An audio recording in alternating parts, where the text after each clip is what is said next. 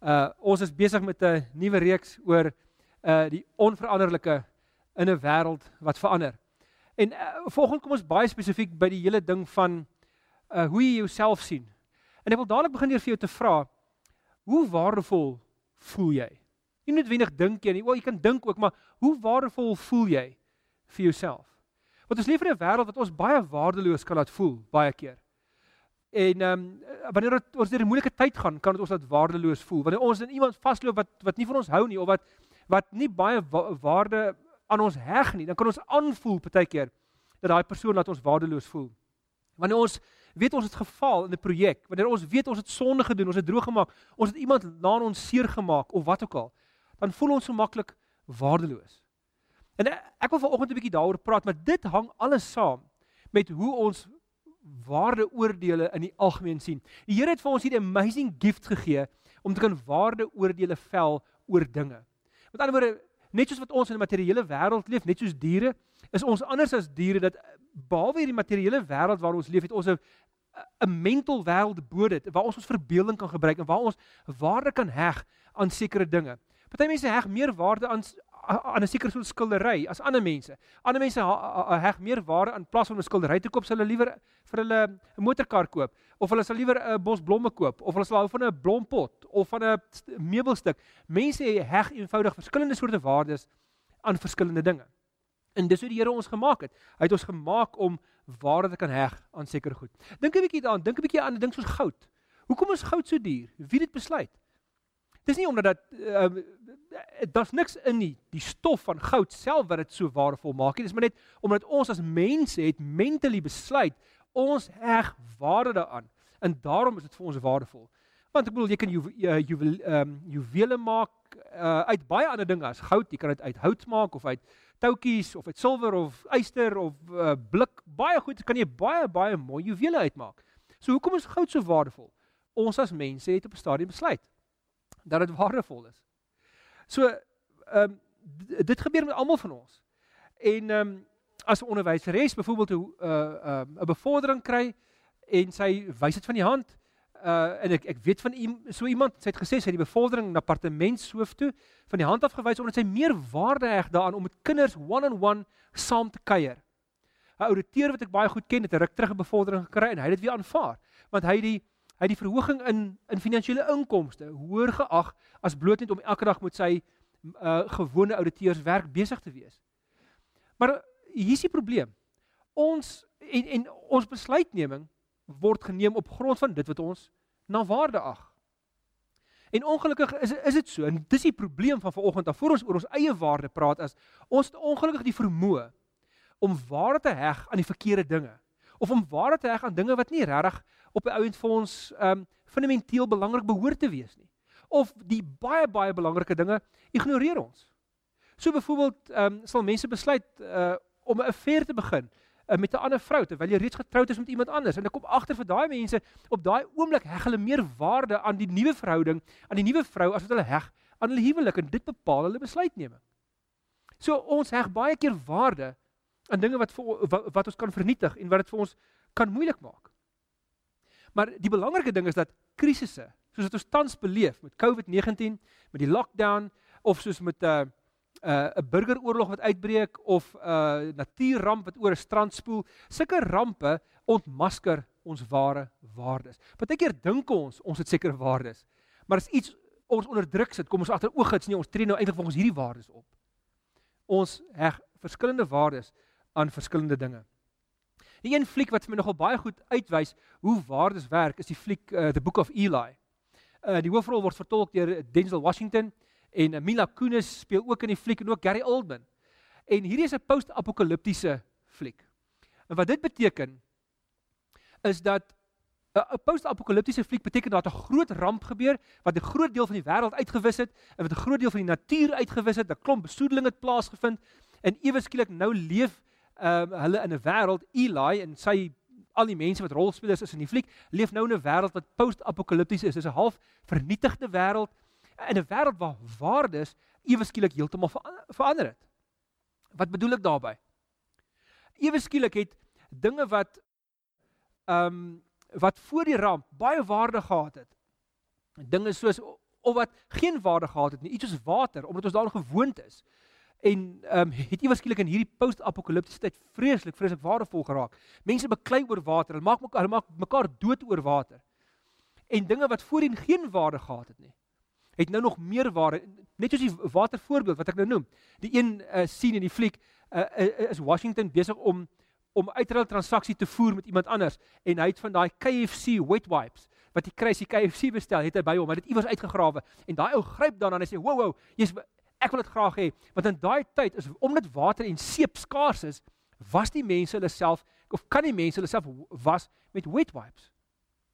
Die die waarde wat hulle heg ewe skielik aan voor die ramp aan daai goed het verander na die ramp. En op um, op 'n stadium sê uh is is Mila Kunis en Denzel Washington so in 'n gesprek en sy vra hom uit want sy's nog baie jonk en sy vra hom hoe was dit gewees voor die ramp voor hierdie geweldige tragedie wat gebeur het? En hy sê die volgende vir haar. Hy sê people had more than they needed. We had no idea what was precious and what wasn't. We threw away things that people kill each other for now. So uit hierdie ding kan jy hoor dat dinge het het het absoluut heeltemal verander. Vriende, hoe weet ons? Ons heg waarde aan die regte dinge. Onthou ons praat oor hoe waardevol voel jy? Hoe hoe hoe kan ek my eie selfwaarde bepaal? Want dis waaroor Paulus in 'n groot mate hier praat. So die die heel eerste vraag is eers met ander woorde, kom ons praat eens voor jy oor jouself praat is. Wat is die dinge wat jy as waardevol beskou en wat beskou God as waardevol? En dis waaroor Paulus praat in vanoggend se ehm um, se stukkie. So Ek onthou in my eie lewe, toe ek op skool was, het jy altyd hierdie geweldige akademiese buffs gekry. Ek bedoel, hulle het hierdie geweldige um, akademiese balkies op hulle baadjies gehad. En ehm um, yes, ek het ek het altyd so geïntimideerd gevoel want ek het jy weet ek het nie eens een gehad nie. Ek het een gehad vir skuifskiet dink ek en in uh, uh, uh dalk nog nie vir sport of so, maar ek het nie ek het niks gehad vir akademie nie. En behalwe dit nog, ek het gehakkel. Eers ek het dit het my vreeslik geïntimideer. Dit het my my self-confidence weggevat. En dit het my geweldig waardeloos laat voel in 'n wêreld waar almal sekere dinge van baie hoë waarde ag. Wat sê Paulus vir iemand soos my? Want vandag kyk ek terug en ek kan eintlik nie glo dat ek so min confidence gehad het nie. So wat het gebeur? In 'n groot mate het met my gebeur wat met Paulus gebeur het. Sy sy waardes het verander en daarom het ek begin anders voel oor hoe ek myself sien. So wat is die dinge wat gebeur het? Kom ons lees hierdie paar teksgedeeltes. Wel, nie paar teksgedeeltes nie, dis eintlik een teksgedeelte uit uh, uit Filippense hoofstuk 3. Dis ons vierde boodskap van môre en kom ons lees hierdie gedeeltetjie saam. Filippense 3 vanaf vers 2. Pas op vir daardie dwaalleraars. Pas op vir daardie mense wat kwaadstig. Pas op vir daardie betekenislose besnydenis. Ons het die ware besnydenis. Ons wat God deur sy gees dien. Ons wat ons op Christus Jesus beroem en nie op uiterlike dinge vertrou nie. Tog sou ek ook op uiterlike dinge kon vertrou. As iemand meen dat hy op uiterlike dinge kan vertrou, ek nog meer. Ek is op die 8ste dag besny, van geboorte Israeliet, uit die stam Benjamin, 'n egte Hebreër. In wetsopvatting was ek 'n Fariseer, in my ywer 'n vervolger van die kerk, in onderhouding van die wet van Moses om vryspraak te kry onberispelik. Maar wat eers my 'n bate was, beskou ek nou as waardeloos ter wille van Christus. Ja nog meer, Ek beskou alles as waardeloos want om Christus Jesus my Here te ken oortref alles in waarde. Terwille van hom het ek alles prysgegee en beskou ek dit as verwerplik sodat ek Christus as enigste bate kan verkry en een met hom kan wees. Vrygespreek, nie omdat ek die wet onderhou nie, maar omdat ek in Christus glo.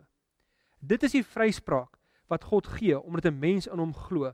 Al wat ek wens is om Christus te ken die krag van sy opstanding te ondervind en deel te hê aan sy lyding deur aan hom gelyk te word in sy dood in die verwagting dat ek self uh deel sal hê aan die opstanding uit die dood. So wat is Paulus besig om te sê? Ek gaan eenvoudig sy boodskap omskakel in drie vragies. Drie vrae wat jy vir jouself kan vra. En as jy hierdie drie vrae antwoord, dan kan jy vir jouself die vraag uh, uh, antwoord, waar dink jy lê jou waarde? Hoe waardevol dink jy is jy? So Paulus ehm um, sê die eerste vraag wat vir ons na vore kom in hierdie gedeelte van Paulus is dit. Het jy Jesus al toegelaat om die pryse op jou lewensitems te verander. So voor ons praat oor jou waarde, voor ons praat oor my waarde, het jy al het jou waardesisteem al tot geloof gekom? Want jy kan nie dink oor jou eie waarde en hoe jy jouself sien as jy nie dink aan wat God se waardes is nie. Het jy al die Here toegelaat om om in jou lewe in te kom en en die price tags, die die pryslabels op jou lewensitems te verander volgens hoe dit hoort. Um in lyn met die evangelie van Jesus Christus. Um die heel Paulus sluit hier aan as ons hierdie teksgedeelte lees, dan sluit Paulus aan by 'n belangrike ding. Hy praat dadelik van wins en verlies. Wat wat hy eers as wins beskou het, beskou hy nou as verlies en andersom. Hoe dit gewerk en hoe dit presies gebeur.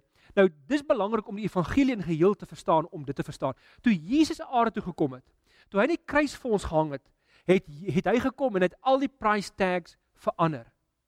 Die wêreld sien nog die die price tags op hulle eie manier, maar vir gelowige het dit alles verander. Kom ek noem vir julle 'n paar voorbeelde. Ons almal beskou vandag die kruis as 'n baie waardevolle simbool. Dames dra uh silwer of goue kruisies om hulle nek of uh baie ouens of mense dra uh houtkruisies om hulle nek. Dit het vir ons 'n uh, Dit het vir ons 'n baie waardevolle simbool geword. Maar hoe dit gebeur? Dit was nie in die eerste eeu so gewees nie. In die eerste eeu was die kruis 'n vloekhout. Dit was 'n terrible ding. Dit dit was so 'n 'n vreesbevange idee, die kruis om gekruisig te word. Dat uh, die woord, die Griekse woord vir kruis, stauros, was mense nie eers toegelaat om 'n gesofistikeerde geselskap te gebruik nie. As jy daar in Rome gesit het of in of in Antiochië um, of in Alexandrië van die groot stede en jy het by 'n bankettafel aangesit saam met 'n klomp nobel mense, uh, um, saam met 'n klomp vername mense, dan jy die woord stauros kruis nooit gebruik nie. Maar dit was 'n waardelose, useless, vloekbelaaide, terrible ding om te om in vas te hou of om selfs te noem in 'n gesofistikeerde geselskap. Maar vandag is dit vir ons die mees waardevolle simbool.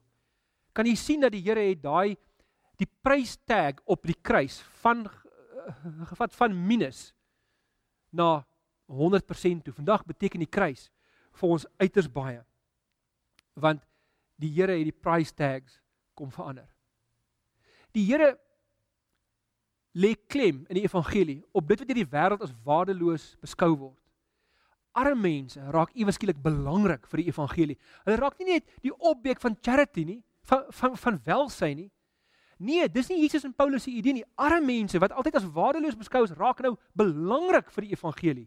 Omdat God hulle hoog ag, beteken hulle ook kommunikeer ook aan my en jou iets van die evangelie wat ons nie sou ken en verstaan sonder hulle nie. En daarom is dit die eerste ding wat ons moet doen as ons tot geloof kom.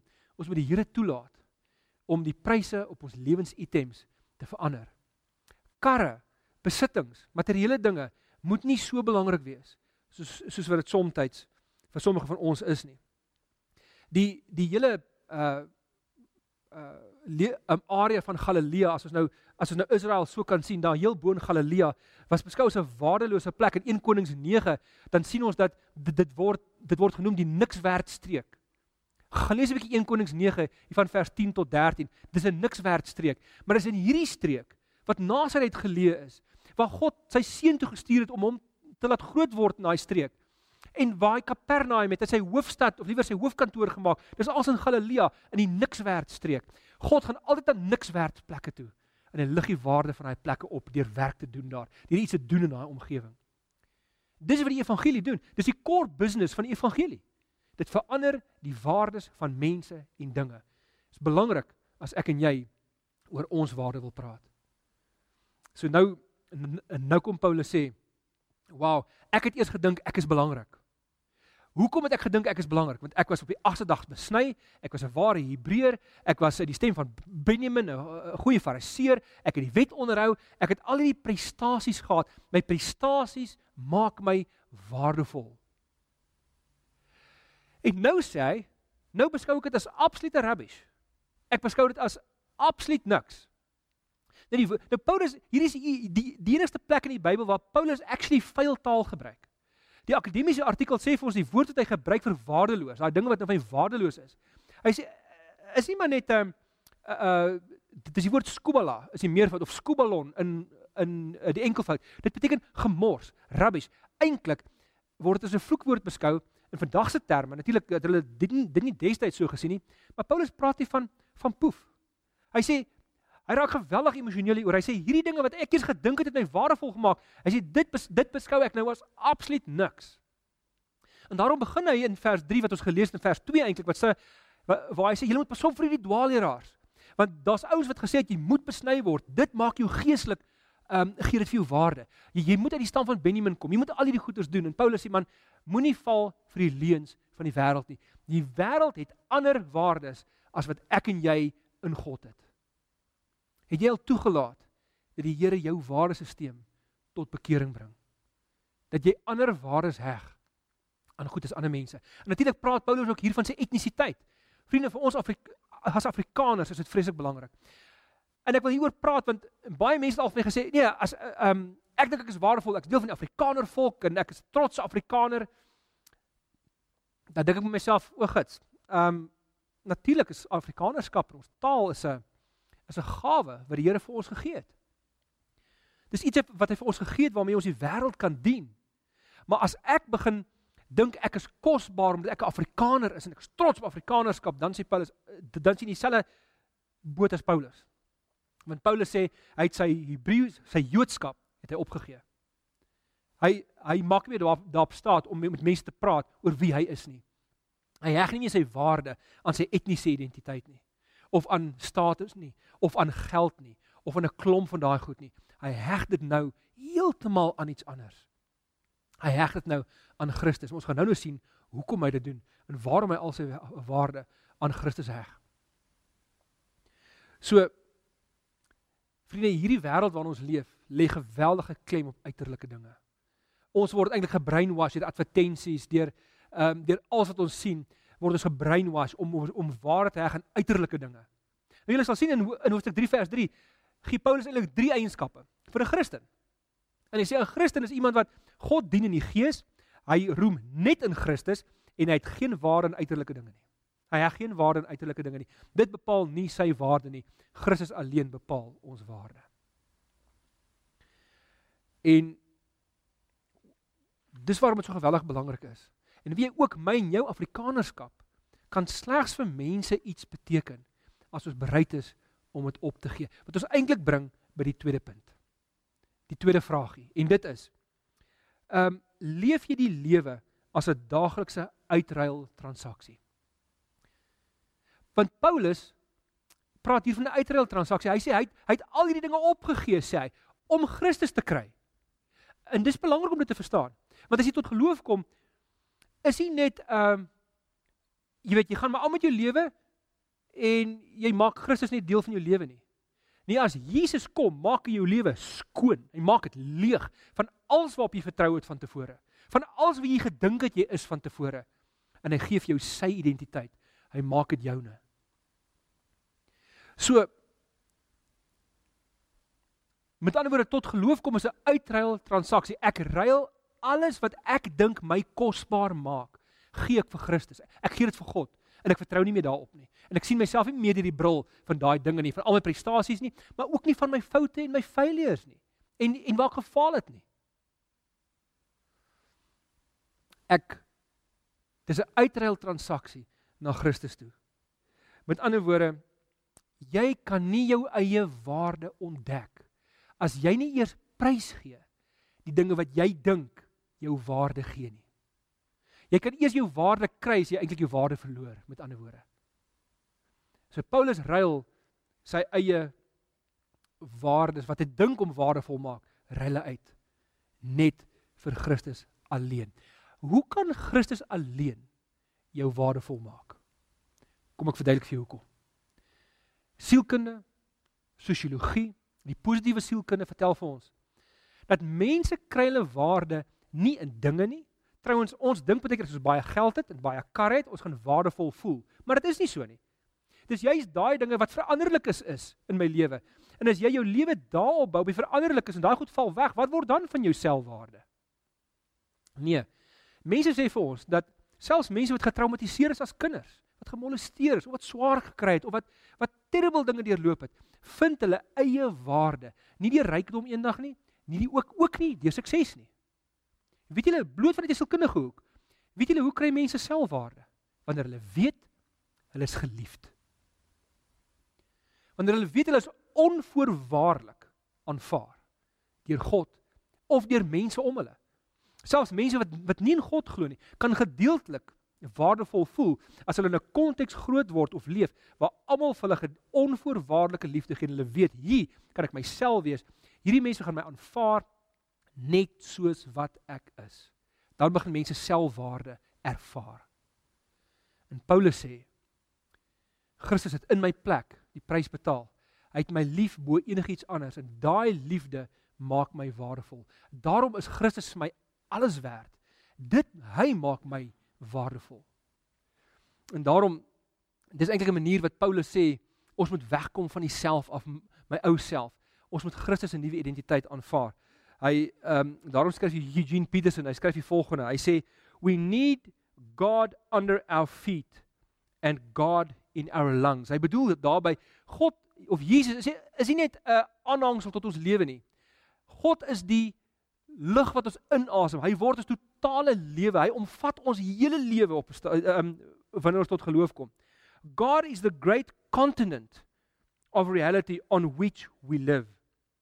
If we deny him in practice by attempting to live in the ocean of the self, we are soon fatigued and require all kinds of artificial aids to keep us afloat. It is not our proper environment. Why don't we simply get out of the ocean of the self and stand on our own two feet of the dry land of the kingdom of God? The self, like the womb, is something we must get out of if we are going to become a person. Wow. Dis regtig amazing. As ons regtig 'n mens wil word, dan moet ons ontsnap van onsself en daarom vriende, is die dinge wat ons vir die Here doen en in sy naam doen is goeie dinge, maar ons doen dit nie om enigiemand te beïndruk nie. Dit kan nie op 'n geestelike CV staan nie, want ons kan niemand beïndruk nie. Um Jesus het in ons plek als gedoen wat God kan beïndruk. Hy het in sy plek het hy als gedoen. En daarom um die een ding wat ons wat maak dit ons oosterlig geweldig celebrate op die oomblik Um, ek moet vir julle sê ek en my kollegas en die leierskap en die personeel um, sê gereeld vir mekaar, dit is so ongelooflik lekker om deel van Oosterlig te wees. Want as ons net vat wat ons nou met die haweloses gedoen het en uh hoe baie ons uitgereik het na soveel mense in ons omgewing en daar's van julle wat nie net bloot finansiëel gegee het nie, maar wat so betrokke was en om mense te help die hele tyd. So wat het ons gedoen in hierdie lockdown tyd? Ek gaan sommer net vir julle 'n paar dingetjies noem. Vriende, ons het omtrent 400 000 rand het ons aan skole gegee in ons omgewing om hulle hulpbehoevende leerders mee te help in hierdie tyd. Ons het 'n groot deel daarvan aan Constantia Park gegee met wie ons 'n baie goeie verhouding het. En sodat hulle die hulpbehoevende mense, ehm um, die le leerlinge en ouers in hulle skoolomgewings regtig waar kan help. Behalwe dit het ons 70 help ons nou nog weekliks 70 sinne om om kos te kry en om te eet en om in die lewe te bly ons het omtrent 150 000 rand spandeer aan die die uh die shelter, die die hawelose projek en dan het ons omtrent uh, nog 150 000 rand spandeer aan ander nood binne die gemeente, party van ons alimentasie en in alle instansies wat ons regtig mee help op ander plekke. En van die nood wat ons aangespreek het, het ons ook um, ons uh, ons partners, ons sendelinge en die die uh in ons maak 'n verskilbediening het ons geondersteun in hierdie tyd en hulle regtig gehelp. Maar hier is die belangrike ding. Hoekom noem ek hierdie goeders nou hierso? Vriende, ek dink die Here glimlag wanneer hy sien hoe ons hierdie goed gedoen het. Ek dink dit is vir vir die Here lekker om te sien wat hy gedoen het. Dis amazing. Maar hierdie goed wat ons gedoen het vir mense mag nooit op ons CV staan nie. Ons mag dit nooit gebruik om mense mee te impress nie. Ons kan dit nooit gebruik om te probeer om onsself te regverdig voor die Here nie. Want anders word dit gemors. Maar as ons dit gebruik omdat ons dankbaar en bly is omdat ons die Here ken, omdat die Here reeds vir ons sy lewe gegee het, omdat hy al die goed vir ons gegee het, dan word dit 'n gawe vir my en vir die mense om ons. Dis 'n fantastiese ding.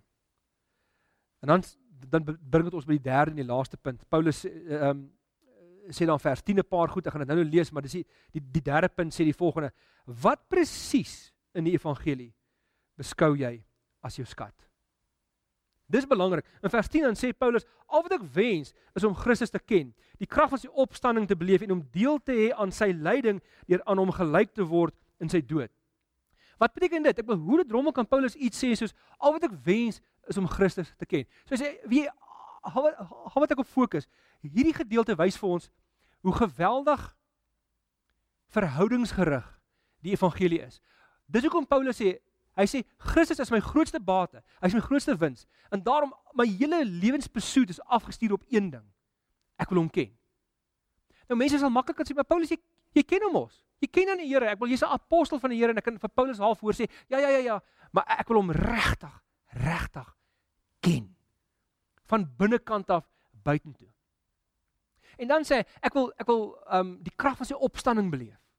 Met ander woorde, ek wil saam met die Here journey. Wat hy daar bedoel is ek wil saam met hom die evangelie verkondig. Ek wil ek wil ek wil Jesus as my vernoot hê in hierdie wêreld sodat ek die krag van die opstanding kan beleef. Wanneer ek met mense praat oor die Here, wanneer ek vir armes help, wanneer ek na shelters kyk, ek wil die krag van die opstanding sien plaasvind. Ek wil dit regtig waar beleef en dan sê hy en ek wil gelyk um met hom word in in sy dood. Ek moet hom identifiseer in sy lyding. Wow, wow, wow. Dit klink weer. Wat bedoel Paulus hierby? Hy sê ek wil graag ly vir Christus. Hoekom sê hy dit? Want die skat vir Paulus is nie dit wat Jesus hom gee nie. Dis Jesus self. Dis waarom sê ek wil hom ken ek wil saam met hom 'n vennootskap hê. En dan sê hy omdat Jesus in die kruis gehang het. Wanneer ek swaar kry, wanneer ek ly, dan voel ek wat Jesus gevoel het. Ek identifiseer met hom en dit is oukei okay, want ek is lief vir hom. Hierdie hierdie gedeelte sê vir ons uitermate hoe belangrik Jesus self en hoe lang, belangrik Paulus se verhouding met Jesus vir hom was. En dis baie maklike manier hoe jy kan onderskei tussen wanneer jy godsdienstige en wanneer jy ware Christelike geloof. God iemand wat net bloot godsdienstig is, wat sy hele CV gebruik. Dis gewoonlik iemand wat wat wat eh, die skat vir hom van godsdiens lê in wat God vir hom kan gee. Iemand wat Jesus volg, vir hom of haar is die skat in God self. In Jesus self. En as ons hieraan vashou, dat eh, die die manier hoe ons oor onsself dink, dat ons nie dat ons ons krag in die Here sal vind, dat ons sal brag oor die Here, dat ons nie oor ons eie prestasies te kere sal gaan nie, maar dat ons enigste prestasie in die Here sal wees. En dit maak dat ons nie geïntimideer kan word deur die wêreld nie. Dit maak dat ons nie beledig kan word nie, want ons hou vas aan die Here. Uh die goeders ehm um, jy weet gewoonlik dat jou jou uiterlike dinge tel vir jou te veel, jy heg te veel waarde aan dit as jy emosioneel raak wanneer mense jou aanvat daarop. As mense sê ag, maar jy's 'n regte ou arm. Jy weet, jy's maar baie arm. Jy weet of jy's ehm uh, jy weet uh kyk waar kom jy vandaan? As jy lig geraak as oor die rak kwaad, moet jy weet daai goed is te belangrik. Maar iemand wat net in Christus roem, kan nie beledig word nie. Hulle dink vir 'n uh, William Carey, die groot groot sendeling na die, na die ooste toe na China toe. Ehm um, uh, uh, uh, vertel hulle hierdie amazing storie van hom hoe dat hy hy hy het baanbrekers werk gedoen in die sendingwerk in die ooste toe. Hy het van die die ehm uh, Mandaryns en 'n klomp van die tale in Indië ook Hindi het hy uh met hy Bybels vertaal in Engels ehm uh, en ook ekskuus sorry nie in Engels nie in in Hindi en in van hierdie tale uh, daar waar hy sendingwerk gedoen het. En op 'n stadium sit hy in so by 'n banket by 'n ete aan tafel saam met 'n klomp noble mense en ryk mense wat hom nou genooi het om hier te kom sit. En die een uh ryk persoon is op die jy weet is gedurig die aand besig om vir William Carey te beledig. Jy weet waar hy vandaan kom en hy's maar net 'n stupid ou en jy weet hy hy het nie veel nie. En William Carey het skoene reggemaak as 'n tipe van 'n tentmaker bediening om sy bediening mee te ondersteun. En op 'n stadium sê hierdie beledigende ou so uh, voor almal, ja, uh, jy weet die William Carey is maar uh, jy weet hy jy weet hy's maar 'n skoenmaker. En uh, Carey sê nee nee, skus edele. Ek is nie 'n skoenmaker nie. Ek is maar net 'n skoenregmaker glad nie geïntimideer nie. Glad nie die belediging ernstig gevat nie. Want sy roem was nie in homself nie. Hy het weggekom van homself af. Sy selfverstaan lê in Christus. Hy sien homself soos wat Christus hom sien. Sy selfliefde is nie gebore uit sy eie cuteness nie, maar uit die feit dat hy weet God het my lief. Ek is geliefd. En daarom is Paulus se skat lê nie wat die evangelie vir hom bied nie. Ja, dit kan ook deel daarvan wees. Dit lê vir hom in God self. God is die een wat hy liefhet. Vriende, ek wil vanoggend vir van julle die geleentheid gee om as jy nog aan aan jou ou CV vashou te skuif na 'n Christus gesentreerde CV toe. Miskien kyk jy al lank na ons dienste op Sondag, miskien is jy al lank deel van ons gemeente, miskien is jy buite ons gemeente. Maar jy ken nie regtig Christus nie. Hy is nie regtig jou skat nie. Jy's godsdienstig, maar miskien is jy selfs om die taal van die Bybel te gebruik, miskien is jy nie gered nie.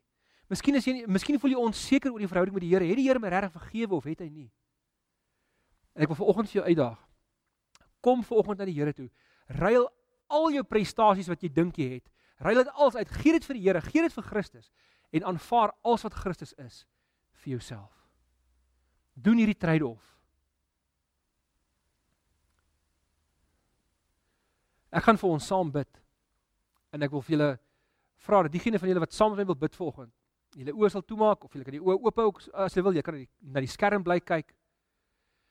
En ek wil vir jou geleentheid gee om aan die voet van die kruis te kniel sodat Christus jou sonde vergewe en sodat jy 'n nuwe lewe kan leef waar jy roem in hom net alleen, waar jy al jou ou goed opgee en waar jy dit ruil vir die identiteit van Christus alleen.